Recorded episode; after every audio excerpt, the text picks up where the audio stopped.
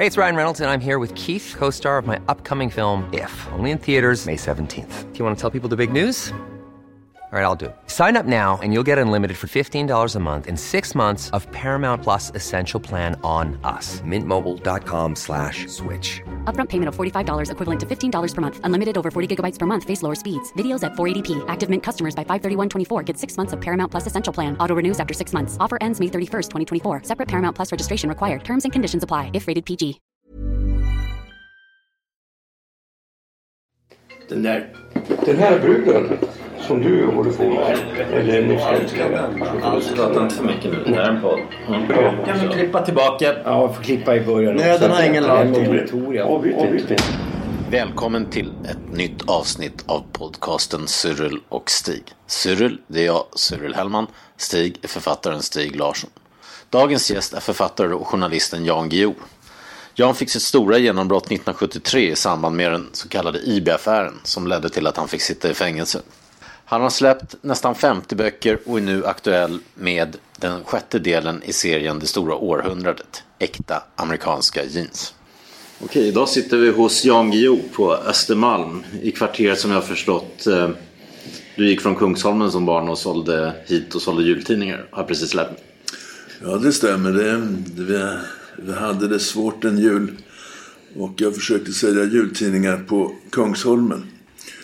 Och eh, jobbade en hel kväll och sålde för... Jag hade då tjänat 1,50. Låt vara 1950-talets penningvärde så är det 15 kronor men det var hårt i alla fall.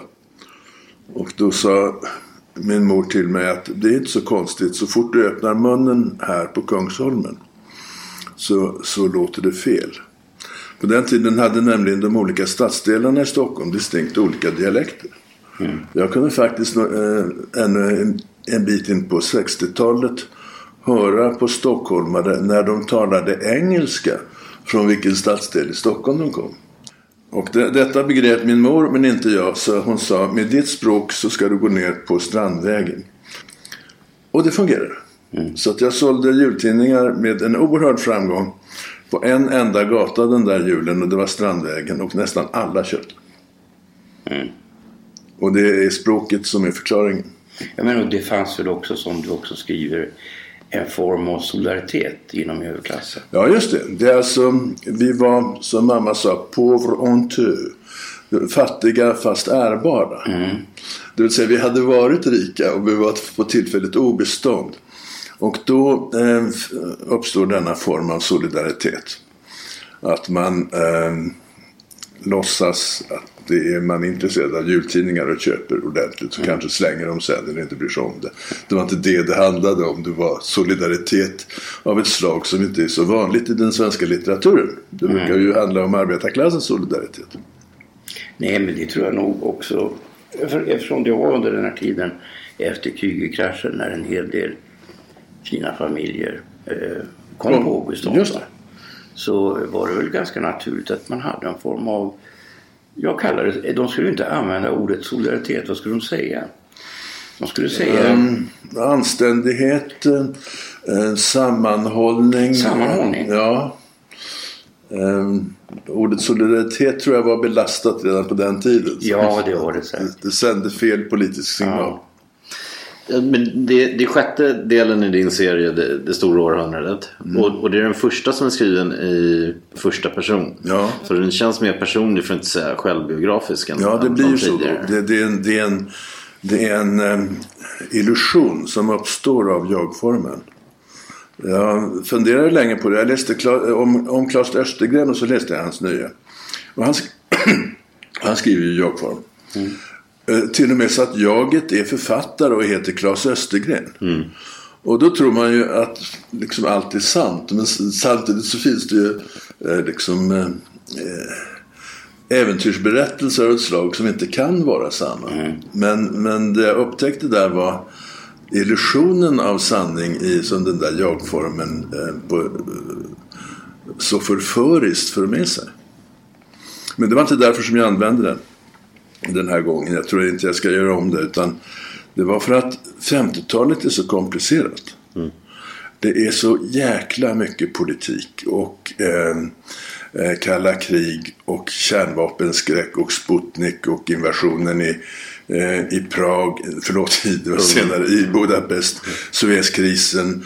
Um, Sverige är stormakt när det gäller flygvapen och idrott. Um, vi ömsar skinn från att ha varit germaniserade till att bli amerikaniserade. Ja, ni hör, alltså det här blir föredrag. Om man ska försöka berätta om det här. Mm. Och då, det är ju meningslöst, då kan man ju gå till historieböcker. Och, men om man berättar ur en tonårings perspektiv då smiter man ju undan från problemet med föredrag och djupgående analyser och sånt där och gör sig till en kandid.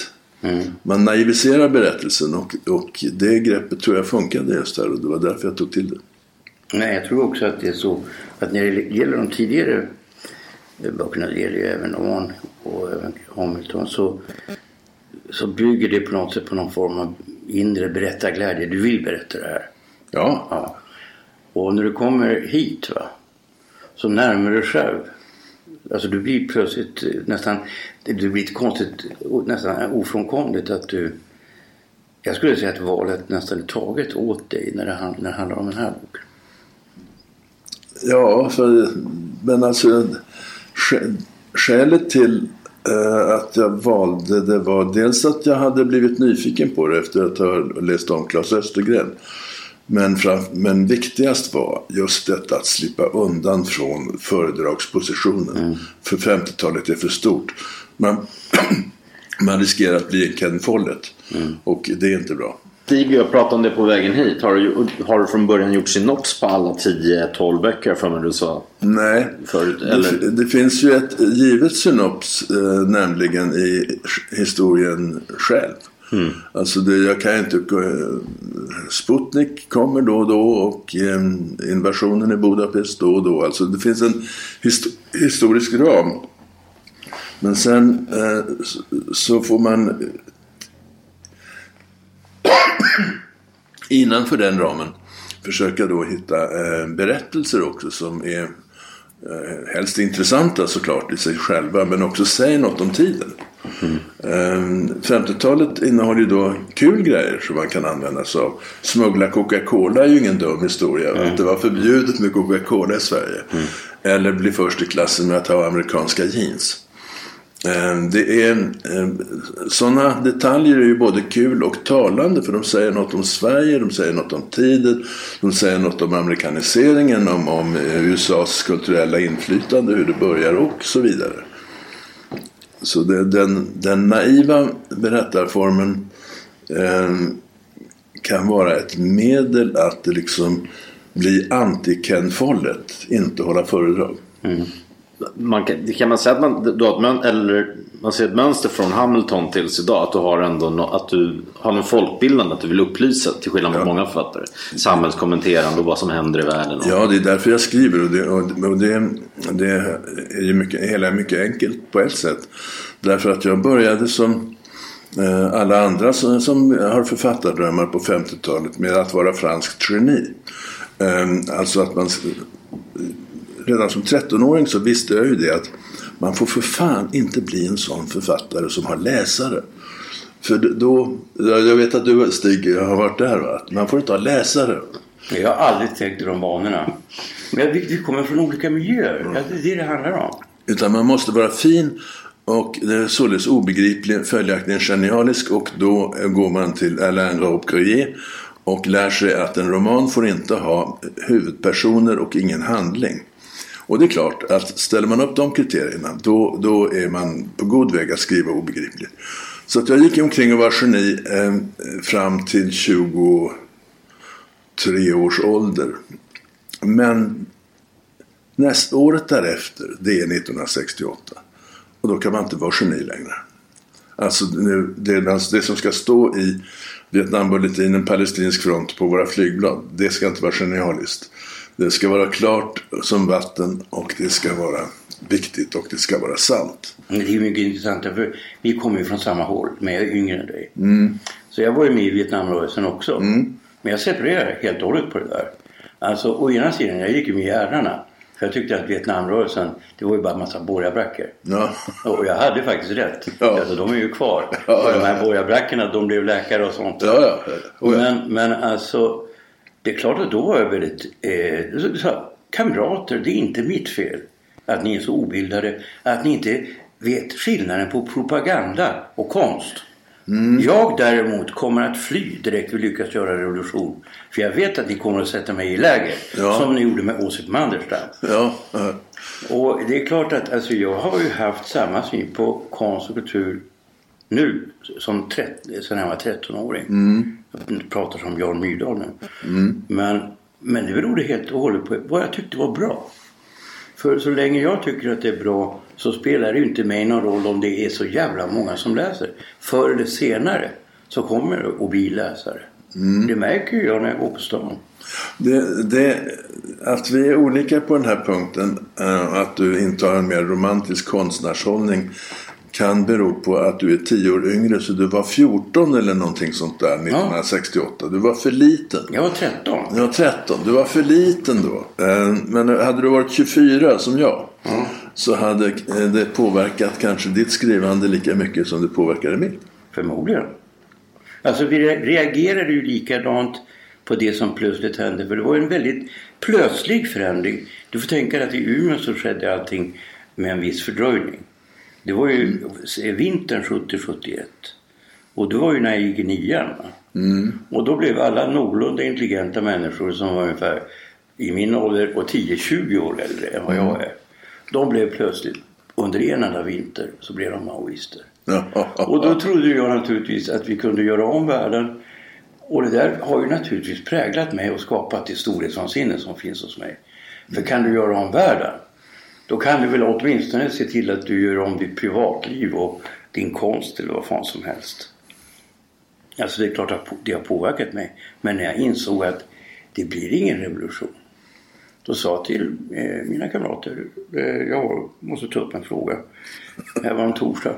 Det är så att jag inte längre tror att det blir någon revolution. Det här var eh, mars 1973. Så att då är det mycket bättre att jag lämnar er för jag kommer att demoralisera er annars. Ja.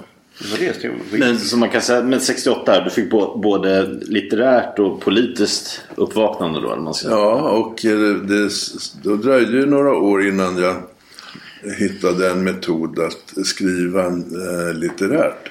Det naturliga om man menar att ordet ska ha eh, i första hand en politisk innebörd eh, i bred mening, alltså både agitatorisk och folkbildande. Då. Eh, Den, då blir det naturliga steget att skriva journalistiskt. Det är enklare eh, och klarare och tydligare. Och, och det var när den journalistiken blev så pass eh, framgångsrik att jag hamnade i fängelse som jag fick tillfälle att läsa eh, Maj Sjöwall och Per Wahlöös böcker. Eh, De hade jag aldrig eh, vidrört eh, eftersom jag var ett före detta litterärt geni. Eh, Så läste jag självklart inte deckare. Eh, Det var vulgärlitteratur.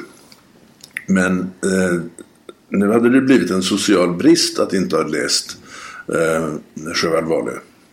Så jag tog in dem där i cellen och läste dem. De nio som fanns då, eller åtta. Och sen... Nej, det hade kommit alla tio då. Nej, jag åkte in 73 och de, de, de, deras sista bok kom 75. Ja. Och då såg jag hur jag skulle göra. Jag ska göra som Maj och Per. Eh, sno en amerikansk form, stil, stilgrepp rakt över. Den hårdkokta prosan. Eh, man skulle ha trott att det inte eh, att det skulle bli löjligt på svenska. Att man skulle höra liksom det amerikanska tonfallet bakom sig. Men det gjorde man inte. Alltså det, det, man kan vara hårdkokt på Göta kanal visade det sig. Eh, det funkar. Det var det ena de har gjort. Eh, Men sen, den här typen av amerikansk litteratur har ju sin politiska tendens vanligtvis ganska långt ut till höger. Dirty Harry är ju liksom inte sosse om Nej, säger så. precis. Så James Ellroy och... Nej. Eh, Men eh, Per var ju VPK-are. Så de har fyllt sin amerikanska form med någonting så i och för sig enfaldigt som VPK-propaganda. Och jäklar anamma det funkar. De får borgarna springa benen av sig för att köpa VPK-propaganda. Så det här kan jag göra. Eh, inte med poliser, för det är ju redan gjort. Men jag kan göra det med en annan angloamerikansk eh, variant, spionromanen. Och då inte VPK-propaganda utan en bättre form av kommunism. Ja, alltså det, det uppfattar ändå skillnaden mellan, mellan dig och Sjö Vård. Jag har läst dem faktiskt flera gånger. Jag gillar dem också även om jag tycker att det är de tidiga som är riktigt bra. Mm. Och eh, alltså det är ju det att det speciella och det som jag tror var det revolutionerande när du kom med den här Hamilton-serien. Det var att våld var så bra skrivet. Därför att normalt sett så är det en massa lik man hittar i deckare. Mm. Här ligger ett lik. Och låt oss nu se vem det är som har tagit denna man eller kvinna av dagar. Eh, och det är det det handlar om. Men det är inte så mycket skottdueller. Det är inte så mycket eh, attacker och sånt. Va? Men det du gjorde, förde in med, med även i den redan den första Coq det var ju våld. Mm. Och det ser man också, tycker jag, ju då lysande i den första Arn-boken när Arn dyker upp. Det, det är någon sorts, det är natt, det är mörkt. Mm. Det blir ett våldsamt slagsmål. Men det är otroligt, alltså det är skrivet på en mycket, mycket kort eh, rymd. Ja. Halv sida. Det, ska, Men det måste du är vara med. kort. Du är med hela tiden. Ja, det, det måste vara kort. Och Men det, det är väldigt svårt. Ja, jag, jag vet inte det. Jag tycker inte det är så svårt. Jag har eh, sett att du har skrivit det, att det skulle vara svårt. Alltså jag har försökt att ge, jag måste säga att jag har varit tvungen att lägga ner väldigt mycket tid på det. Mm. Men det är naturligtvis en läggningsfråga. Jag tror du hade lite svårt för vi, När vi gjorde det där huliganmanuset så var det ju... Mm. Då fick jag stå för Du våldet. fick ju stå för våldet. Mm. Våld är så känslomässigt. Eh, så att den egna erfarenheter säkert har stor betydelse för känslan. Eh, uh, om man vet själv hur det faktiskt känns både när man träffas och när man träffar uh, ansiktet så blir det kanske lättare att skriva. Jo, men jag har varit i slagsmål. Jag har i allmänhet förlorat slagsmål. Vunnit några för länge, länge sedan. Men, eh, det, men jag har inte varit i... Eh, alltså med, med vapen, med knivar. Alltså, jag har aldrig stått in en kniv i någon. Nej, vem har det? Du vet, det är såna, det, alltså jag upplevde då när jag skrev filmmanus att skjuta grejer, skjuta folk. Alltså det kan jag göra. Va? För det gör inte så ont. Men att just hugga någon. Och hugga någon mot ansiktet. Va? Alltså för du är ju både offret och förövaren på samma gång. Eh, Då, då, då, det tog emot så jäkla mycket alltså. Ja, jag måste nog säga att det där tycker jag tillhörde de mindre svårigheterna i Hamilton-böckerna.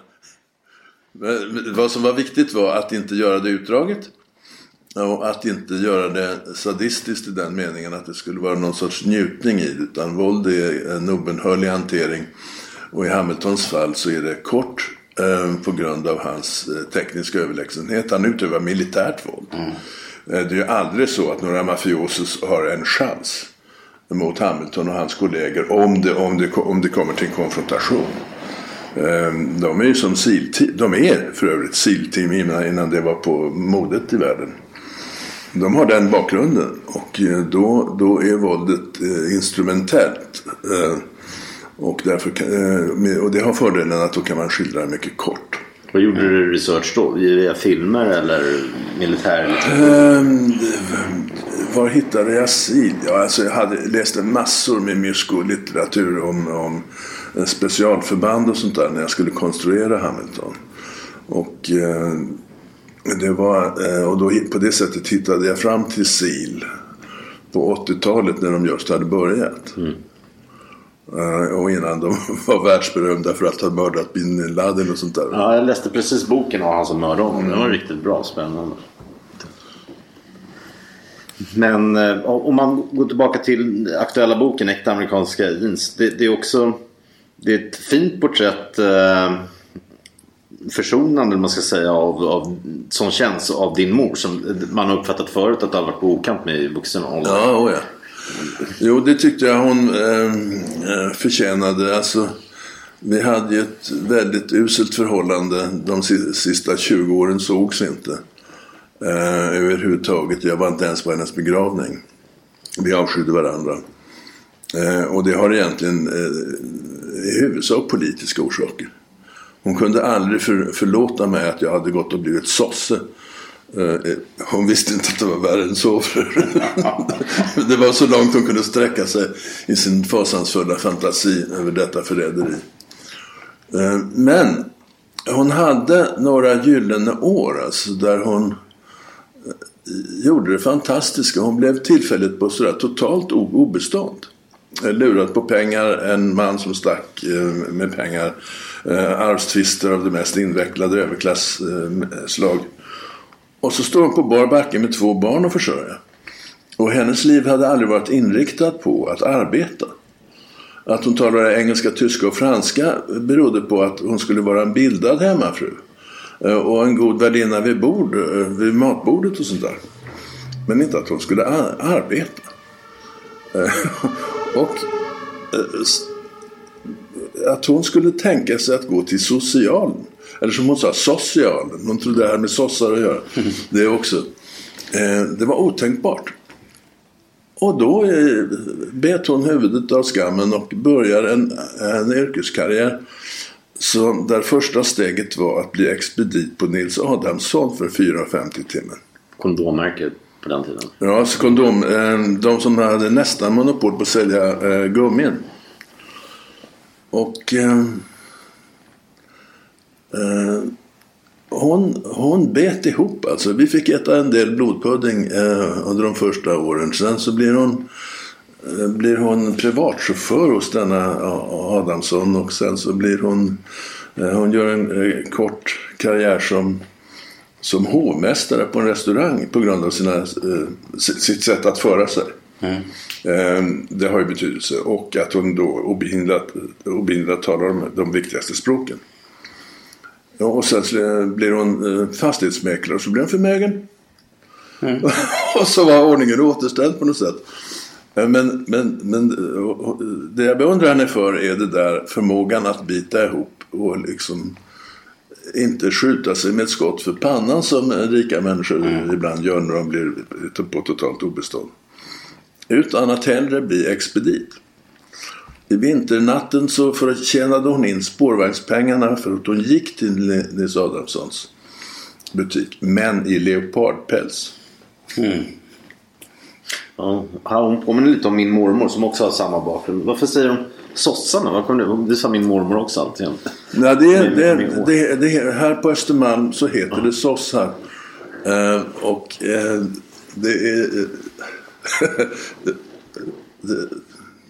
om det är avsiktligt nedlåtande eller inte vet jag inte. Men det måste ju vara det. Alltså, det måste ju vara det. Man har inte hört ordet, man har bara läst det. Ja, just det. Och sen så att man tänker att det kanske har med sås att göra. Ja, nej, S-O... S-S-A-R. Det, det blir... Det är sossar det, alltså. Ja, nej, sossar skulle man kunna tänka sig att uttala det. Men, om man bara läser ordet.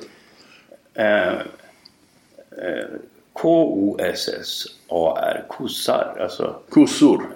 Kossor, ja. ja eller T-O-S-S. Kossor kan det inte bli. Nej, ja, no, jo, tossig heter det ju. Tossig, ja. Där har, där, där har vi det. Precis där. Boss har vi också. Ja. Bossig. Så jag tror att, att äh, skälet till att det i Östermalmskretsar blev sossar var ju att ingen hade hört ordet. Men man har ju läst det hela tiden. Mm. Och då äh, uttalar man det sossar och så blir det så. Mm. Ja, det, det, är lustigt. Det är totalt avslöjande. Jag tänkte på en grej med skola också. För jag läste en bra krönika för några veckor sedan av dig om skola. Och du tar upp skola lite här. Mm. Hur ser du på... För att din egen bakgrund var att du blev religerad och så blev du plågad på internatskola. Mm. Men du verkar inte ha mycket för övers för 70-talets det som kallas flumskolan. Nej, och idag som alla vet, svensk skola är fritt fall. Man ger mm. iPhones till elever för att börja. Och här i veckan var det någon skola som avslöjades där rektorn höjt betyg. Antagligen av marknadsekonomiska skäl. Ja. Bakom lärare, i ryggen på lärare och så. Ja, alltså, läroverket på 50-talet är ett uttryck för folkhemsbygget. Det är en eh, klart, enkel, tydlig socialdemokratisk tanke. Alla ska med. Alla, ska ha, alla svenska barn ska ha samma chans att gå i skolan. Oavsett rika eller fattiga föräldrar. Oavsett om man kommer från eh, Saltsjöbaden eller Huddinge eller Spånga eller något. Det betyder att vi blir eh, 36 gossar i klassen. En sån mardröm att ha 36 killar för en lärare i dagens värld. Men så var det inte då. Utan här står alla upp i vakter. Eh, magistern kommer in och han säger God morgon gossar, varsågod och sitt. Och så sätter sig alla. Och sen håller man käften tills man, man, man blir tilltalad och då reser man sig upp och försöker svara. Eh, kadaverdisciplin kommer det här att kallas sen. Eh, och det är det förstås. Men det fungerar ju. Mm. I den här skolan har Leif GW Persson chansen att bli professor när han börjar där. Inte 20 år tidigare. Och inte i dagens skola såklart. Mm. Så den, den tjusiga demokratiseringen som eh, Socialdemokraterna och Vänster inledde på 70-talet eh, leder då till, till, till flum och till att man återgår till det gamla förhållandet att rika barn kommer att klara sig bättre i skolan än fattiga barn. Och där är vi idag. Mm. Men vad ska vi göra? Tillbaks till kadaverdisciplin. Du stiger väl för AG skola? Ja, jag, jag, jag protesterade. Jag minns jag var uppe hos Horace. Det var innan han träffade Ebba. Han bodde på Parkhotten. Uh, och det var precis här jag som lärare. Vilket som lärare. Mm. I en förort. Och det var helt enkelt fysiskt omöjligt för mig att undvika. Uh, för annars skulle de ha slagit sig. Att greppa tag i dem. Mm. Därför att de sprang upp på taket. Uh, det var bara en envåningshus. Va? För det första hade de bränt ner skolan bredvid. Mm. Och sedan hade ingen, ingen, den här klassen hade aldrig haft en lärare. Alltså, alltså längre än jag skulle vara där en vecka. Mm. Jag var fullständigt slut va? för att jag var ju tvungen då för att få dem att sitta ner, att släpa dem, att bära dem, trycka ner dem, använda någon form av milt våld. För, för att eh, jag är en person med auktoritet. I'm Sandra and I'm just the professional your small business was looking for. But you didn't hire me because you didn't use LinkedIn jobs. LinkedIn has professionals you can't find anywhere else, including those who aren't actively looking for a new job but might be open to the perfect role, like me. In a given month, over 70% of LinkedIn users don't visit other leading job sites. So if you're not looking on LinkedIn, you'll miss out on great candidates like Sandra. Start hiring professionals like a professional. Post your free job on linkedin.com/people today. Planning for your next trip? Elevate your travel style with Quince. Quince has all the jet-setting essentials you'll want for your next getaway, like European linen, premium luggage options, buttery soft Italian leather bags, and so much more and is all priced at 50 to 80% less than similar brands. Plus, Quince only works with factories that use safe and ethical manufacturing practices. Pack your bags with high-quality essentials you'll be wearing for vacations to come with Quince. Go to quince.com/pack for free shipping and 365-day returns. Mm. Jag kom in på regiutbildningen sen. Um, men jag, det var ju fullständigt omöjligt om de vägrar. En kille sa Nej, jag vill inte lära mig matte. Jag försökte förklara. Du, jag ser ju så mycket i timmen för att lära dig matte. Mm. Jag vill inte läsa minus. Men alltså vilket jobb du än har så måste du kunna dra ifrån. Ja. Alltså minus. Mm. Nu har du chansen. Du kan fråga mig. Ja, men jag vill inte. Nej, det, det, det, är en demokratisering som får en odemokratisk effekt. Ja, men alltså det jag sa då, det var ju då att Problemet med vackra idéer är att de ofta får katastrofala följder. Och om man ändrar en, en uppfostringsmetod som har använts av alla kulturer utom eskimåerna mm. i världshistorien så måste man räkna med kraftiga effekter. Och därför så måste vi återgå till eh, skollagen. Ja, skollagar tror jag inte man kan... Eh, men jag fick ju det. Jag fick ju smällar ibland. Jo, jo, det, det jag med. Men, men, eh, men eh, en arsenal av liksom eh, det, repressiva eh, medel till lärarens förfogande måste det ju till. Alltså för det, det, att, att barnen kommer och går under lektionstid, talar i telefon hur mycket de vill eller, eller eh, går, tar rast tio minuter i förväg och sånt där och eh, ideligen för eh, konversation eh, innebär att de svagaste går under. Mm. Det är effekten av det. Och då, då är det inte demokratiskt på det sätt som eh, de eh, vänsterideologer som har genomfört det här systemet tycks ha trott utan då blir det odemokratiskt. Mm. Leif GW som du nämnde. Det, det, det, det, framstår lite som att ni har någon inbördes konkurrens. För att från att ni har varit vänner och jobbat mycket ihop och sådär så känns det, eller han sa nyligen någonstans att han säljer mer än dig och men jag antar att du tjänar mer pengar och, och att, är det någon, att ni tävlar med varandra? Ja, alltså jag vill undvika det men jag blir jävligt mycket tävlad med på alla områden. Han, han, och vilket han är den enda mannen i Sverige som kan komma undan med. Alltså, han säger jag har legat med många fler kvinnor Alltså, vem, vem kan säga detta utan att bli steglad, skinnflådd och piskad? Jo, han kan säga det. Och, och, och, och, och liksom han, han säger, jag tjänar mest pengar. Ja, det kom en lista nu på författarinkomster förra veckan. Då ligger han på plats 16.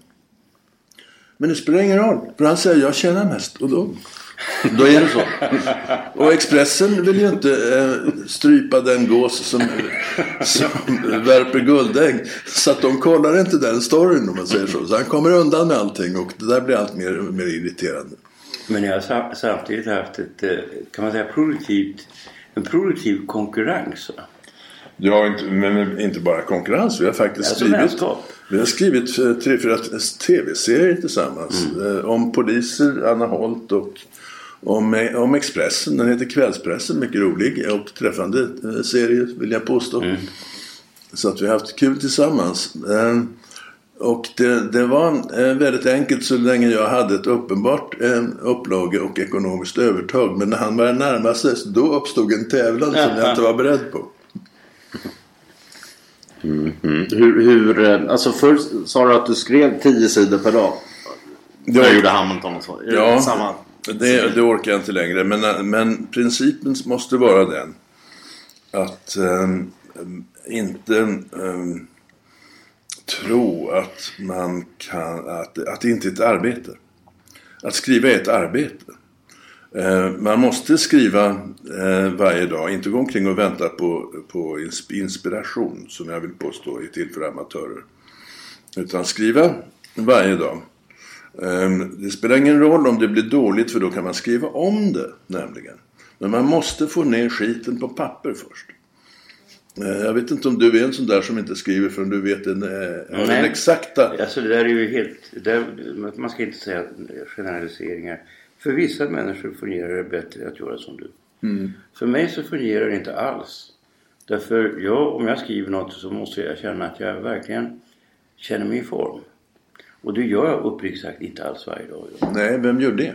Och då är det mycket bättre för mig att vänta till att jag känner att jag verkligen vill skriva. För då, då går det undan. Ja, nej. Så, eh, när jag skrev tio sidor om dagen eh, så slutade jag då vanligtvis mitt i en mening. Ja, du berättade det för mig. Eller i förekommande fall mitt i ett ord. Och det har hänt att jag inte sen när jag ser ett halvt ord kommer ihåg vad, vad, andra ordet var, skulle bli. Men slutar man mitt i en mening så har det fördelen med sig att när man sätter sig för att jobba nästa dag så fullföljer man den meningen och då är fingrarna och huvudet igång. Det gäller att lura sig själv att komma igång. Inte du som är geni då fortfarande tydligen utan ska vänta på den gudomliga inspirationen. Men för oss andra. Nej, men jag tyckte det lät väldigt fascinerande. Om inte jag vore så gammal så skulle jag testa det. Och du skriver fortfarande på maskin? Ja, det, det är bättre än dator. Har, har ni någon på piratförlaget som sitter och skriver av ditt Nej, nej, det där är det ju. Eh, man eh, har ett snyggt maskinskrivet manus och så stoppar man in det i en apparat. Och så kommer det ut som elektronik. Det är ah. inget konstigt. Eh, och den har blivit bättre. I början så fanns det reststavningsprogram och sånt där som ställde till det. Åtminstone, jag minns från arntiden att det, det var någon formulering. Han pekade eh, upprört med lansspetsen. Så, då ändrar datorn till han pekade upprört med, läns, med länsstolen. Men det är, för, det är förbättrat. Så att, I och med att man skriver på eh, maskin så kan man skriva bättre än på dator. För att det, det som motsvarar eh, pillandet med dator blir för mig alltså ett, eh, ett maskinskrivet manus som jag går över med penna. Mm. Och så gör jag ett antal korrigeringar i det här. Mm. Eh, på dator så hade jag gjort de korrigeringarna direkt i manuset då. Och trott att det var färdigt. Men när jag nu har 25 sidor fullklottrade så måste jag ju skriva om allting. Mm. Och i och med att jag måste skriva om allting så gör jag andra förändringar som inte står i det här handskrivna mm. klottret. Och då skriver jag bättre än om jag hade skrivit på en dator. Man kan säga så här. När jag övergick till att skriva direkt på maskin. Det var när jag skrev eh, introduktion. Eh, då var själva kicken var den att det låter också ja, om det. Va? Det är en fysisk och då blir det liksom som en bamba, bamba, bamba. Och du hör också ja. om det går bra. Ja. Och jag fick en... Och man svettas när det går Ja, jag fick en jävla, ett jävla tempo. Mm. Men sen, sen skrev jag också hela komedin på skrivmaskin. Jag hade fått en dator då, men jag är så jävla konservativ.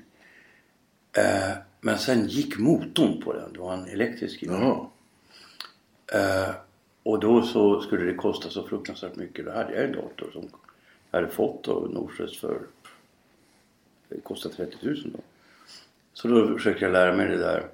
Men fördelen med den det var att jag kunde skriva då med absolut rak högermarginal. Mm. Alltså talvärdet för i var samma som för m. Mm. Jag var tvungen att lära mig talvärdet för samtliga svenska ord. Alltså det här låter ju inte klokt. Nej. Men fördelen med det, det var att jag fick en ram. Jag kunde nämligen då putsa en text hur länge som helst. I vissa fall faktiskt sex år. Mm. Alltså en text på sex sidor. Alltså det blev ju, i, alltså jag bevarade ju alla tidigare versioner och jämförde. Va? Men det blir precis som du tänker dig att Leonardo da Vinci arbetade med Madonnan i grottan från 1483 till 1499 mm. i 16 år. Alltså visst, blir det lite bättre om du ger det tid. Va? Ja. Och därför är mekanisk skrivmaskin eh, bättre än dator. Alltså det finns fördelar och nackdelar med det. Men jag upplevde att, nu skriver inte jag så länge, det finns ingen dator som funkar så. Men, men under några år, ända fram till 2000, så skrev jag så. Men då skriver du klart en bok på tre, fyra månader ungefär? Eller? Uh, nej, fem månader. Jag skriver januari till juni. Vad gör du resten av året? Research, eh, eh, resten av året eh, äter jag och dricker för mycket och pratar oupphörligt om mig själv eh, i olika städer och olika länder. Och sen efter jul någon gång så återupptar vi det sunda livet med hårt arbete, enkel kost och daglig eh, timmes verksamhet i gymmet. Så går jag ner de 10 kilo som jag har gått upp under det osunda halvåret. Mm. Men du kör, kör samma som, som GV med hösten är liksom? Eh, ja, utom när det gäller äh, alkohol. Um, det, det, det, har inga restriktioner under skrivperioden. Som han säger i alla fall att han har. Men, um, men uh, det, det viktigt att, att hålla sig fysiskt i trim om man ska skriva fem månader på raken. Mm. Jo, alltså att vara författare och folk tror bara att det är någon sorts lättingarbete. Det är det inte. Nej, när jag kom, ännu efter alla dessa år när jag kommer ut på landet i januari för att börja fem månaders arbete. Så säger grannarna, ja så du kommer ut och ska vara ledig nu? för att, eh, skrivande uppfattar inte dem som arbete. Nej. Utan som någonting annat. En sorts, vad ska vi säga, en hobby eller lek eller någonting. Ja. Det här med att du gör serier som Arn, Det stora århundradet och Hamilton och sånt. Mm. Är det att, av kommersiella skäl eller att du blir förälskad i karaktärerna eller? Nej, alltså eh, den första serien eh, är ju då Hamilton och det visar sig vara kommersiellt. Men mm. det, några sådana funderingar hade jag inte innan, innan det, jag upptäckte det. Utan det är helt enkelt att kunna eh, variera ett politiskt tema tillräckligt många gånger. Man får mera sagt eh, vad en du Stig Larsson tror så får man mera sagt på 5000 sidor än på 500. Mm. Och det, då gick det också att flytta eh, fokus från problem till problem.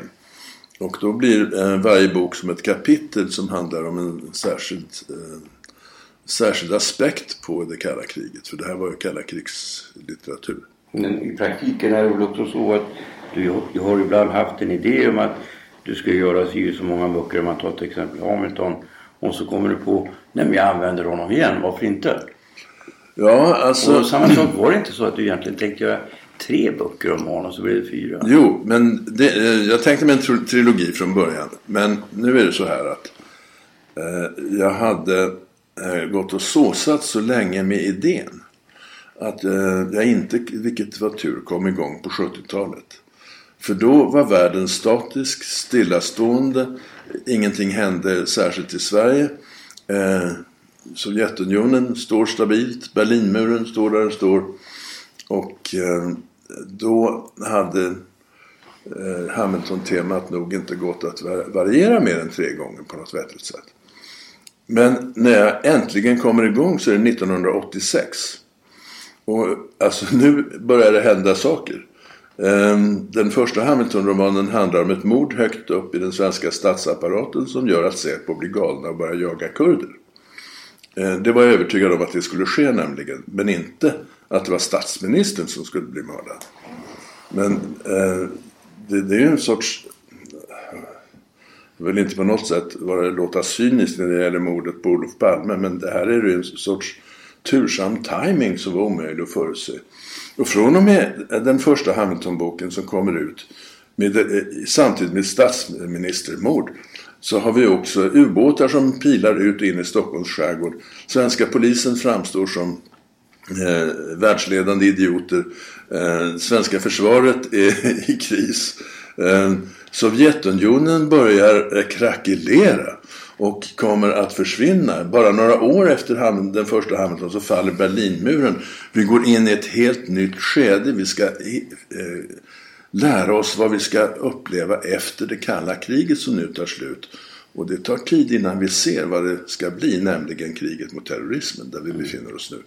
Alltså det här våldsamt um, föränderliga förloppet som Hamilton hamnade i gjorde det möjligt att skriva tio böcker. Mm. För att det, det, var så mycket som skedde hela tiden.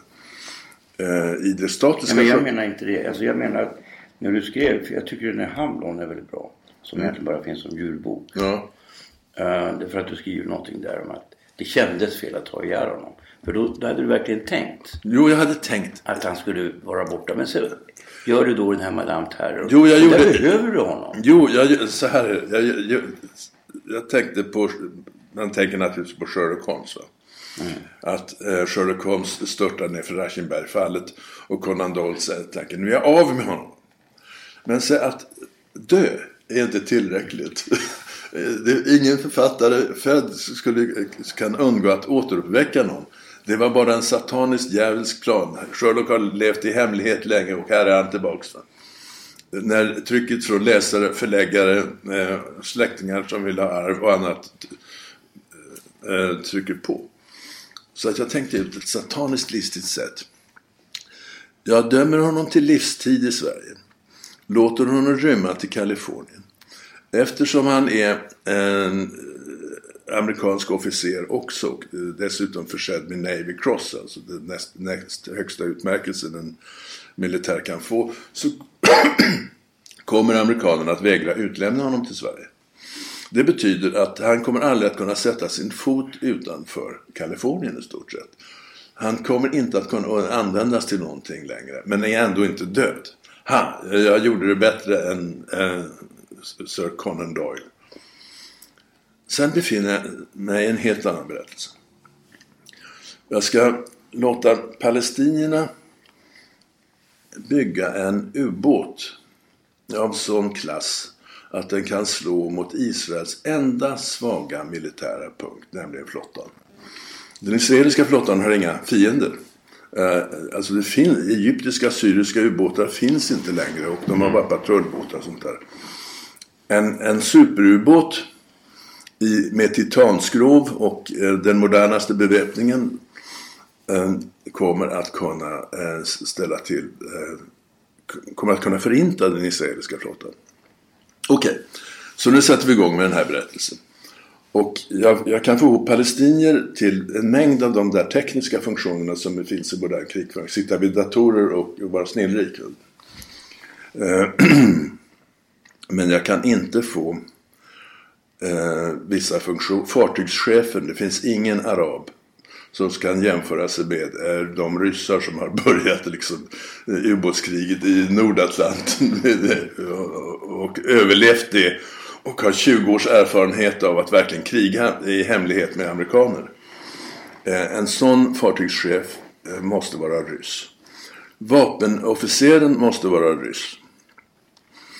Och så visar sig nu, jag ska blanda palestinier och ryssar ombord på en ubåt. Det går inte. Det går inte. Det är som att stoppa in en grävling och en tax i en garderob och hoppas att de ska vara vänner. Eh, ryssarna är eh, efter Tjetjenien och Afghanistan och andra krig de mest antimuslimska människorna på, på, på den vita fläcken på jorden. Fast nu är de i Syrien. Ja, och så att långt, långt kommen i min research så inser jag att jag håller på att göra någonting som är totalt orealistiskt. Det här kommer aldrig att funka. Man kan inte ha ryssar och araber ombord på en ubåt. Om vi är ovänner på en arbetsplats, på en redaktion, så är det inte så bra. Eh, men tidningen kommer att komma ut. Kanske inte lika bra som om vi hade haft ett bättre förhållande, men det går att knäga sig fram. Är vi ovänner på en ubåt, då dör vi. Alltså, det skulle behövas en överbryggande kraft av något slag eh, mellan dessa araber och dessa, dessa ryssar. En, ehm, en högre officer än fartygschefen som är kommendör på en sån ubåt. Vi talar alltså om en amiral. Inte en arab, för då har vi inte eh, ändrat på styrkeförhållanden och inte en ryss. Vi ska ha en västerländsk amiral eh, som högsta chef för den här operationen. Han ska dessutom vara politiskt motiverad. Eh, han ska tala ryska. Nej, med, han ska tala militär ryska. Och självklart engelska. Och nu inser jag att detta är signalement alltså på viceamiral Hamilton som finns i Kalifornien. Och han kan mycket riktigt inte sätta sin fot utanför USAs territorium. Men på världshaven. Mm -hmm. Det är en annan sak. Och då återuppstår Hamilton på ett sätt som jag inte i min vildaste fantasi hade kunnat tänka mig. Hur tog han sig ut? Jag minns inte det. Eh, hur han tar sig ut från USA eh, tror jag inte ens eh, jag skildrar. Det räcker ju med att han, han flyger direkt till, till eh, Moskva. Flyger till Moskva, ja. ja. ja. Och eh, där, då han, ryssarna är inköpt, inköpta i den här operationen. Mm. Så och därifrån eh, är det bara att ta, ta tåget eller på sätt till Murmansk och där ubåten väntar. Mm. Och i midnattssolen står hela det ryska gänget och araberna uppställda. Mm. Och ut på kajen kommer en, en av världens högst dekorerade officerare. Jo, och då, då står ryssar och skriker Kamrat amiral, välkommen! Nobody fucks with him. Ja. Men det var verkligen inte planerat och det var ingen sån där konandol att det var ett kommersiellt skäl till att... att... Ja, men sen skrev du också inte utan min dotter. Ja, för nu är han ju tillbaks och då... Då... Eh, när jag ska skriva om kriget mot terrorismen så går det att få in honom där också. Eftersom han har de sympatier han mm. har och de kontakter han har med palestinier och andra. Alltså jag tyckte den hade, alltså när, när jag läser den, jag har läst alla Jag tycker att det finns en grej som du gör där jag tror ingen har sagt det till dig, men jag tror att det är ett gott tips från mig. Det, det jag tror att du riskerar att förlora läsare. Vet du vad det var? Nej. Jo, det är så att den här Hamilton och Ponty. De lever ett alldeles för överklassigt liv. Och väldigt många av dina läsare, det är mina grannar på Ja, ja. Läsingen. Alltså du vet, de jobbar som SL-chaufförer och snickare och sånt där va. Mm. Och när de lackar till va. eh, Då lackar de till på dig. Alltså Ja. de tar det personligt va. Och det är de här, det är de här fina vinerna och sånt där som de har. Att ni har ett för högt privatliv. Jo, det är riktigt. Men jag, Lyssna har, på Mozart. Nej, det tror jag inte skiter de i. jag tror att jag försatte mig i det läget eh, redan från början. Jag ville ha en aristokrat som samtidigt var maoist ungefär. Jag ville ha den, den, den konflikten. Och, det går till, helt enkelt tillbaks på en, en bild, en vision från 68-tiden. Där det står en, en parodisk eh, eh, trotte eller någonting sånt i en talarstol. Han är parodisk på det sättet att han skulle se ut som en färdig karton på Svenska Dagbladets ledarsida. Han har burrigt hår. Han har runda John Lennon-glasögon. Han har skägg. Han har jeans med hängslen på. Vilket antyder då arbetar bakgrund. Och det som kallas murarskjorta. Eh, Ni vet, tunna blåa vita ränder. Eh, he, hela outfiten. Och han, så han ser ut som en, en vänsterextremist. Vilket vi andra inte gjorde. Men här är den perfekta bilden. Och han pratar på ett tag. Och när han är klar så säger mötesordföranden där. Vi tackar kamrat Oxenstierna för det inlägget. Och man tänker, va? kamrat Oxenstierna. Det är ju fenomenalt. Det är bara två ord. Och de två orden är en explosion. Eh, och sen så visade det sig långt senare när jag ska göra de här spionromanerna att Oxenstierna var inte så bra. Det Det var var, två, tre stycken va? ja, det är fem, sex. Fem, sex. Eh, och ehm, eh, en aristokratisk skånsk vän som jag har eh, löste problemet enkelt genom att säga att ja men då ska du ta Hamilton. Så du, det är adelskalenderns Pettersson. Det finns hur många som helst. Så att kamrat Oxenstierna förvandlades till en eh, kamrat Hamilton. Och då har jag eh, dels försatt mig i, eh, så att säga, överklassen eh, från början. Eh, och, se, och sen eh, har jag ju för all del mycket lättare att skildra överklassen än att skildra arbetarklassen. Eh, och det, det eh, gör att, att Hamilton är behäftad med de nackdelar som du påpekade. Det är inte så att jag har varit... Nej, men det blir aldrig störande annat än när du kommer i vardags... I, alltså när du hamnar i vardag. Ja, inte när han skjuter eh, sicilianare. Nej, men då är det, då är det helt okej. alltså, Ja. så låter man det. Eh, Då är det bara coolt att han lyssnar på Mozart eller vad han Mm. gör. Va? Men, men alltså just när, de, alltså när det handlar om dagishämtning och sånt där eh, på Östermalm. Va? Mm. Och när, när, för att du har ju liksom eh, alltså en, en läsekrets som eh, är liksom som tillhör. Eh, de läser ju inte mina böcker, de läser ju dig. Ja, Eh, och när de då kritiserar dig, då måste jag ju tala om det för dig. ja, gärna. Nej, men den här eh, svagheten eh, visar vi en läsare från arbetarklassen är, har jag ju inte varit omedveten om. Eh, men det, det var... Det hade varit eh, mycket svårare för mig att göra en proletär eh, hjälte snarare än kamrat Hamilton. Det hade nästan inte gått. Nej, det blir en sergeant från Sundbyberg då som gör karriär. Och eh, det... Bortsett från att det är mindre realistiskt med tanke på officerskarriärer och annat sånt så blir han också internationellt mindre eh, användbar än officer och gentleman. Hamilton är officer och gentleman så att eh, han kan snacka med eh, Rysslands president på ett värdigt och intelligent sätt. Han kan, han kan umgås med eh, chefen för den amerikanska marinen utan att det är några svårigheter med det. Och han kan röra sig via, på ambassader och annat sånt. Så att, eh, eh, hans, hans aristokratiska bakgrund har fördelar också. Mm. Ska vi avsluta här? Ja, en sista där. Du pratade om kriget mot terrorism börjar, det vi har nu. Mm. Här, och det stora århundradet börjar 1901. Har det med att göra att det ska sluta 2001 då? När ja, 2001 ja. ja. 11 september. För att det blir en ny tid då? Ja, 11 september. Då är vi definitivt inne i den nya epoken. Den som vi ska leva i resten av vårt liv. Nämligen det som kallas kriget mot terrorismen. Det nya heliga kriget. Mm. Därför Arne Magnusson kom till. Det, det, därför att det är det heliga kriget 1.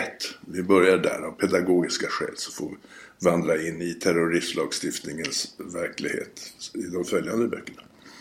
Men det där gick ju bara att variera sju gånger. Ehm, eh, och sen så var det slut. Och det här århundradet kom som den stora utmaningen att göra det omöjliga. Det, det, det är ingen som har klarat. Du har sagt att det blir det sista du skriver? Ja, det tror jag. Man ska inte skriva onödiga böcker. Nej, det håller jag verkligen med om.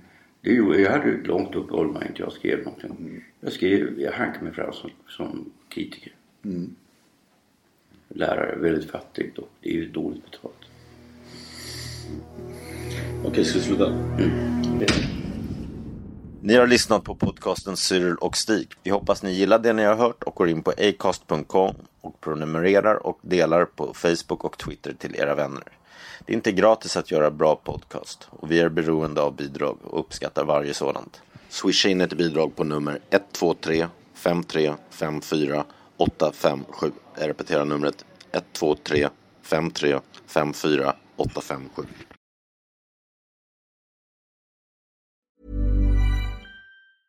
Even when we're on a budget we still deserve nice things.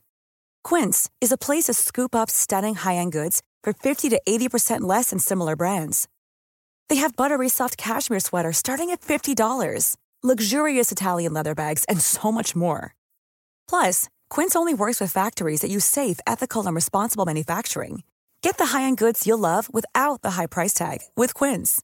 Go to quince.com/style for free shipping and 365-day returns. When you make decisions for your company, you look for the no-brainers. And if you have a lot of mailing to do, stamps.com is the ultimate no-brainer. It streamlines your processes to make your business more efficient, which makes you less busy. Mail checks, invoices, legal documents, and everything you need to keep your business running with stamps.com. Seamlessly connect with every major marketplace and shopping cart. Schedule package pickups and see your cheapest and fastest shipping options from different carriers with rates up to 89% off USPS and UPS rates. And with the stamps.com mobile app, you can take care of mailing and shipping wherever you are. Make the same no-brainer decision as over 1 million other businesses with stamps.com. Sign up with code program for a 4-week trial plus free postage and a free digital scale. No long-term commitments or contracts. That's stamps.com. Code program.